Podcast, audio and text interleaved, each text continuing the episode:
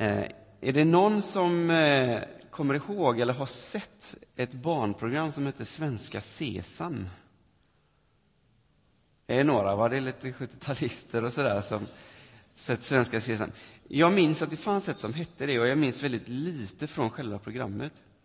Men det finns en scen från Svenska Sesam och en karaktär från Svenska Sesam som verkligen finns kvar väldigt tydligt i mitt minne. Och det är givetvis kakmonstret. Kakmonstret som älskar kakor. Och så minns jag en speciell scen, sketch med honom. Och då ska man utsätta kakmonstret för ett litet test. Och så har man lagt upp tre stycken högar med kakor. En liten hög, en mellanhög och en jättestor hög med kakor. Och så frågar man kakmonstret, vilken hög vill du ha? Vill du ha den? Och så pekar de på den lilla högen. Nej, nej, nej, jag vill inte ha den. Aha. Och så pekar de på mellanhögen. Vill du ha den högen? Nej, nej, nej, jag vill inte ha den högen. Aha. Och så pekar de på den stora högen. Men vill du ha den kakmonstret? Vill du ha den? Nej, nej, nej, jag vill inte ha den. Men vad vill du ha då? Jag vill ha alla kakor. Och så bara rensar de bordet och bara moffar i sig alla de här kakorna. Är det någon som har sett det? Ja, det är några som har sett det. Eh, idag är jag kakmonstret, därför att när man följer eh, kyrkårets texter så får man tre eller fyra texter varje söndag. Och så brukar jag oftast välja en av de här texterna. Jag har valt alla texter idag. Därför att, eh, ja, jag är ett bibelmonster idag. Eh, så det blir liksom inte en lång utläggning för varje text, utan det blir kanske mer en kort för varje. Och så på något sätt kommer det att eh, vävas ihop, tror jag. Första texten från Gamla testamentet är den här, vad heter det, nålen i höstacken. Som jag ofta återkommer till och som jag också klamrar mig fast vid när jag läser Gamla testamentet. För i Gamla testamentet så finns det ju väldigt mycket vi har eh, svårt att förstå. Eh, Gudsbilden är inte så där enkel som när man kanske tittar på Jesus. Och när jag undervisat på ABC så har jag ofta återkommit det här och utgått från det här när man ska tala om gudsbilden i Gamla testamentet. Och det är Mika kapitel 7, vers 18 till 20. Där säger profeten så här. Vilken Gud är som du, du som tar bort skuld och förlåter synd hos dem som är kvar av din egendom. Din vrede består inte för alltid. Du vill helst visa nåd. Du förbarmar dig över oss på nytt och utplånar våra brott. Du kastar alla våra synder i havets djup. Du ska visa Jakob trohet och Abraham nåd enligt den ed du i forna dagar gav våra fäder. Och det som är nålen i höstacken i Gamla testamentet, det är de här orden. Din vrede består inte för alltid. Du vill helst visa nåd. Och det här förklarar ju inte alla de här texterna som finns om hämnd, straff och dom i Gamla testamentet. Inte alls. Men det hjälper oss att närma oss dem och närma oss hela Gamla testamentet.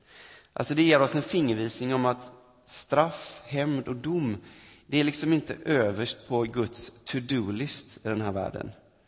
Det är inte överst, därför att du vill helst visa nåd. Sen av olika anledningar så, så finns det mycket annat som inte verkar vara nåd, utan straff och dom och hämnd i Gamla testamentet. Men han vill egentligen någonting annat. Hans längtan är inte straff, inte dom och inte hämnd. Han vill helst visa nåd. Det var första texten. Här kommer andra texten. Det är Lukas kapitel 15, vers 1 till 7. En lite mer välkänd text. Vad gött att så många har biblar och att det bläddras. Lukas 15, vers 1–7. Alla tullindrivare och syndare sökte sig till Jesus för att höra honom. Fariseerna och de skriftlärda förargade sig och sa den mannen umgås med syndare och äter med dem. Då gav han, denna, gav han dem denna liknelse. Om någon av er har hundra får och tappar bort ett av dem, Lämnar han då inte de 99 i öknen och går och letar efter det borttappade tills han hittar det? Och när han hittar det blir han glad och lägger det över axlarna. Och när han kommer hem samlar han sina vänner och grannar och säger till dem Gläd er med mig, jag har hittat fåret som jag hade förlorat. Och jag säger er, på samma sätt blir det större glädje i himlen över en enda syndare som omvänder sig än över 99 rättfärdiga som inte behöver omvända sig. Lite mer välkänt. En första kontrast som jag tycker blir tydlig när man läser det här avsnittet det är kontrasten i, i känslouttryck i början och i slutet. Det fariseerna känner och uttrycker inför Jesus när han umgås med de här fel personerna, det är att de är väldigt arga, de är förargade, de är irriterade och de tycker att Jesus gör fel. Det är liksom känsloläget hos dem. Och så avslutar Jesus sin liknelse och det här avsnittet då med glädjen hos Gud över en enda som omvänder sig. Det börjar i förargelse, ilska och det slutar i en stor glädje. Det är liksom känslokontrasterna i den här berättelsen. Och liknelsen är riktad till de här, alltså fariseerna och de skriftlärda. Han vänder sig till dem och så berättar han liknelsen om fåret som sprang bort. Och jag ställer mig väldigt frågande. Eh, vilken är deras spontana reaktion på den här retoriska frågan som Jesus ställer i liknelsen? För han ställer en retorisk fråga. Han säger så här, om någon av er har hundra får och tappar bort ett av dem, lämnar han då inte de 99 i öknen och går och letar efter det borttappade tills han hittar det? En retorisk fråga har ett givet svar. Vad är det spontana givna svaret, tror ni, hos fariseerna när Jesus frågar den här frågan? Om någon tappar bort ett får av er, gör man inte allt för att springa och hitta det? En handuppräckning. Hur många tror att de tänkte spontant, yes, självklart springer vi ut och letar efter det? Några tänker, ja, de sa nog, ja, det var liksom deras spontana reaktion. Och jag håller nog med er andra som inte räckte upp handen, för jag tänker, jag är inte så säker på det. Jag är inte så säker på att de spontant i sitt hjärta, i sin tanke sa, självklart springer vi och letar efter fåret. De kanske sa det med sina munnar, därför att de visste ju att en herde som gjorde sitt jobb, en god herde eh, dessutom, skulle just göra så, springa och leta efter det här hundrade fåret. Men så satte de sig själva in i jobbet att vara herde, vilket kanske var, tror jag, lite svårt för dem. Ganska rena, pryda människor och väldigt ordentliga, eh, välutbildade och så vidare. Jag tror att de kanske tänkte andra tankar.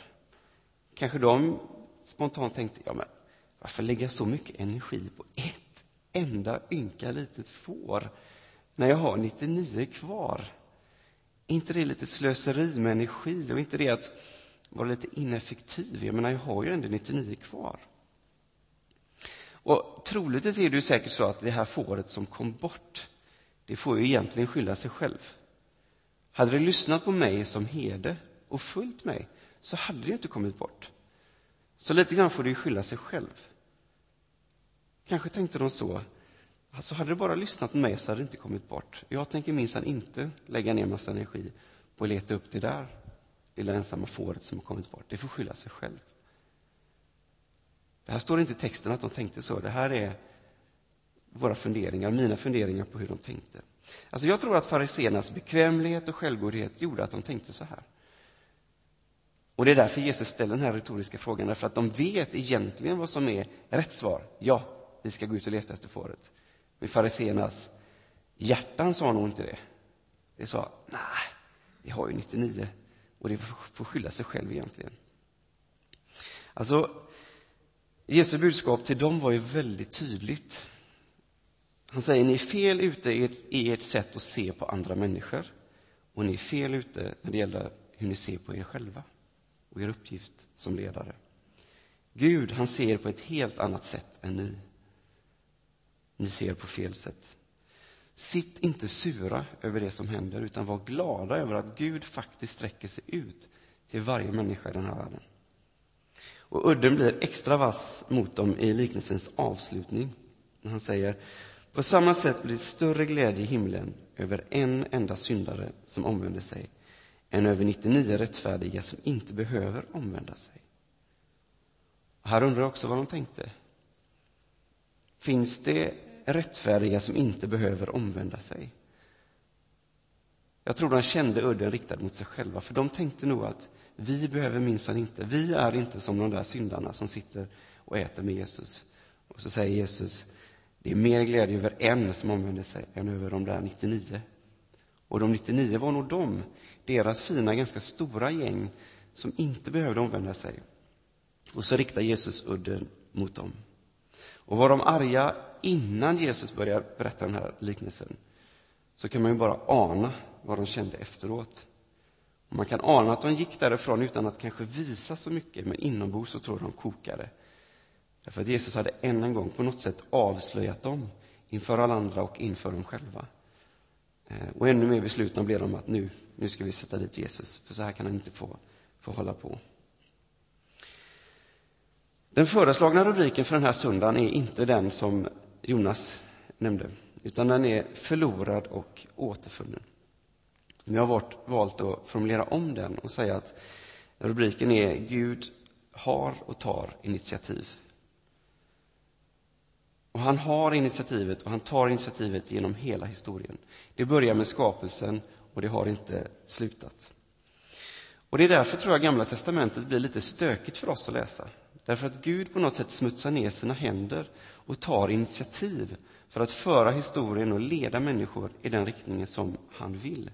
Och då blir det stökigt, därför att han har med, med en fallen värld att göra. Men det han helst vill, det vet vi, det är att han vill visa nåd.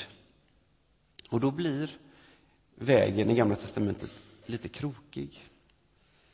Men så kommer man till Jesus i Nya testamentet som vi just har läst och han visar nåd.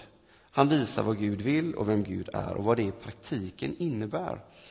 Och vissa blir arga, men de som tar emot, de som på något sätt drabbas av nåden, drabbas av Jesu kärlek, de blir glada, de blir tacksamma och de tar emot.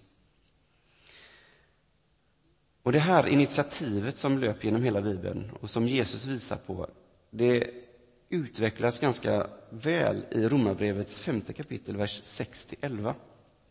Text nummer 3. Romarbrevet 5, vers 6-11. Där Paulus sätter ord på att Gud har initiativet och han tar initiativet långt innan vi någonsin har tagit ett enda initiativ.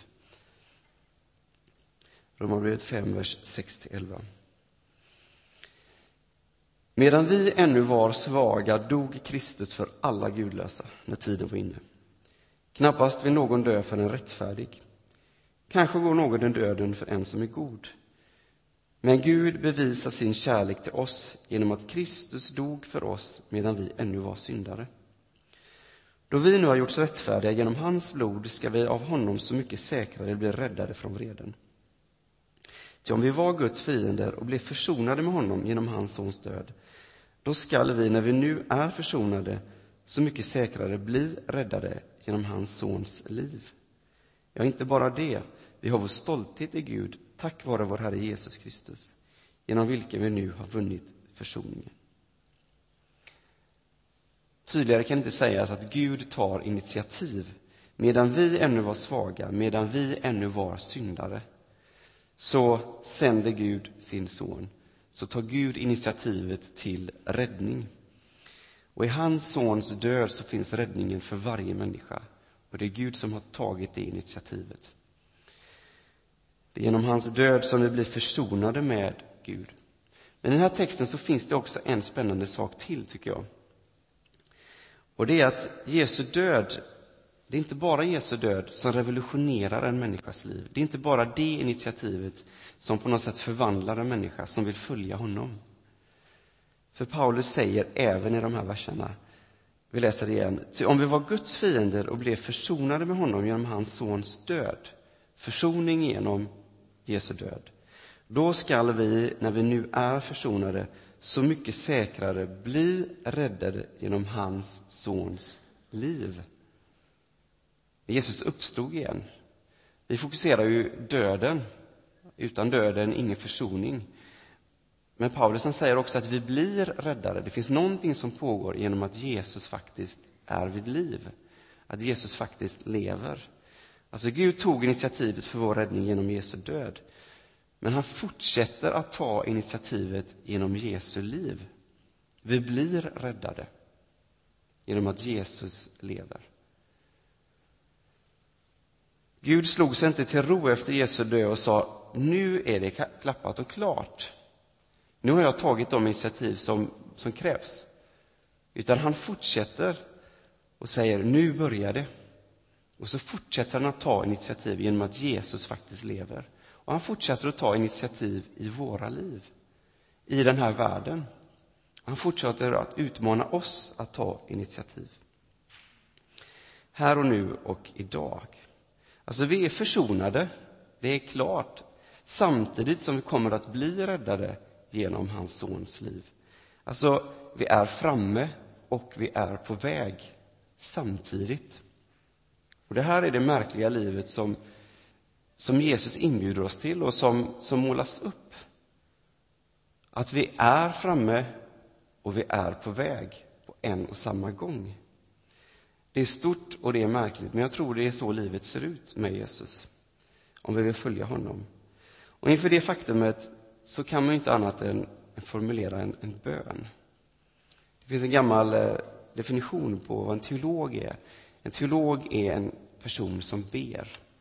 Så brukar du be, så är du teolog. Och vi ska avsluta med den fjärde texten som just är en bön som uttrycker en tro på att Gud har initiativet och att Gud tar initiativ. Det är psalm 119, vers 170-176. Det är Bibelns längsta kapitel och det är de sex, sju sista verserna i det kapitlet.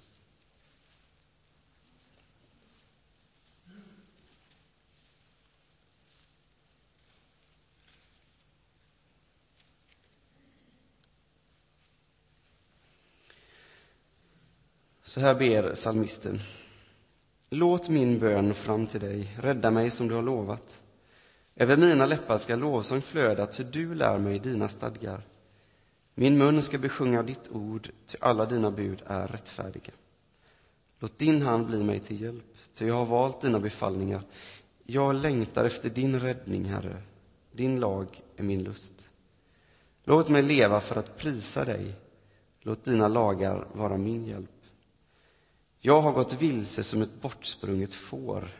Sök rätt på din tjänare, ty jag har inte glömt dina bud. Det här är en bön, speciellt avslutningen på bönen, som andas en stark tilltro på Guds initiativ, på vad Gud har gjort och vad han gör. Att han tar initiativ. Att Guds längtan efter dig och mig är starkare, alltid starkare än min längtan efter Gud. Efter din längtan efter Gud. Och det är de här slutorden i bönen som är fantastiska.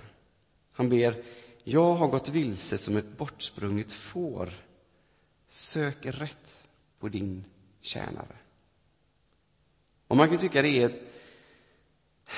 det är inte riktigt vårt sätt att be när vi kanske har kraschat eller gått vilse. När vi befinner oss på en plats i livet där vi känner att nu Gud, nu behöver jag verkligen din hjälp. När vi har gått vilse så ber vi snarare, Herre hjälp mig att hitta på något sätt vägen tillbaka till dig. Men salmisten han går ett steg längre och, och ber så här. Gud, sök rätt på din tjänare. Då kan man tycka en väldigt passiv bön. Är det här kan man säga en, en lat kristens bön som ber Gud, sök rätt på din tjänare. Väldigt passivt. Det skulle kunna vara det, men jag tror inte att det är det. Jag tror istället det pekar på en extremt aktiv Gud. En tro på en Gud som tar initiativ och som faktiskt längtar mer efter mig än jag längtar efter honom. Det kan vara ett tecken på att Gud har och tar initiativ och jag tror att vi kan be den bönen fortfarande. Inte bara be Gud, hjälp mig att hitta tillbaka till dig, utan faktiskt helt och fullt förtrösta på Gud och kanske be bönen ibland. Jag har gått vilse som ett bortsprunget får. Sök rätt på din tjänare. För jag tror att vi hamnar där ibland när vi kanske inte ens orkar, kan ta oss tillbaka till Gud. Men då kan vi be den här bönen, tror jag. Gud, sök rätt på din tjänare. Och så kommer Gud till oss. Och jag tror inte det är att vara lat. Jag tror det är att ha en tro på en Gud som är aktiv, som tar initiativ, som har initiativet och fortsätter att ta initiativ i våra liv, här och nu, i den här världen. Och det är spännande. Vi ber. Tack Gud att du tog initiativet att skapa den här världen. Som blev en, en stökig värld. Som du fortfarande har initiativet i, även om det inte alltid ser ut så. Vi inte alltid förstår vad det är som pågår. Tack att du tog initiativet att sända din son till den här världen. För att vi skulle kunna bli försonade med dig. Tack att du lät Jesus uppstå och leva idag för att vi skulle kunna bli räddade. Herre, tack för den vandring det innebär att, att få följa dig. Och du ser våra liv här och nu. Du ser var vi befinner oss. Och jag ber för var och en av oss, Herre, som kanske befinner sig på det där stället där vi inte ens kan be bönen hjälp mig tillbaka, utan där vi får be sök rätt på ditt bortsprungna får. Tack att du är aktiv. Tack att du tar initiativ. Tack att du söker, tack att du längtar efter oss. Led oss vidare, Herre. Och tack att du är här just idag och tar initiativ och bryr dig om oss och våra liv. Vi ber om din välsignelse och närvaro över fortsatta stunden i, i nattvard och tillbedjan. Kom och möt oss, Herre. Vi ber om det. Amen.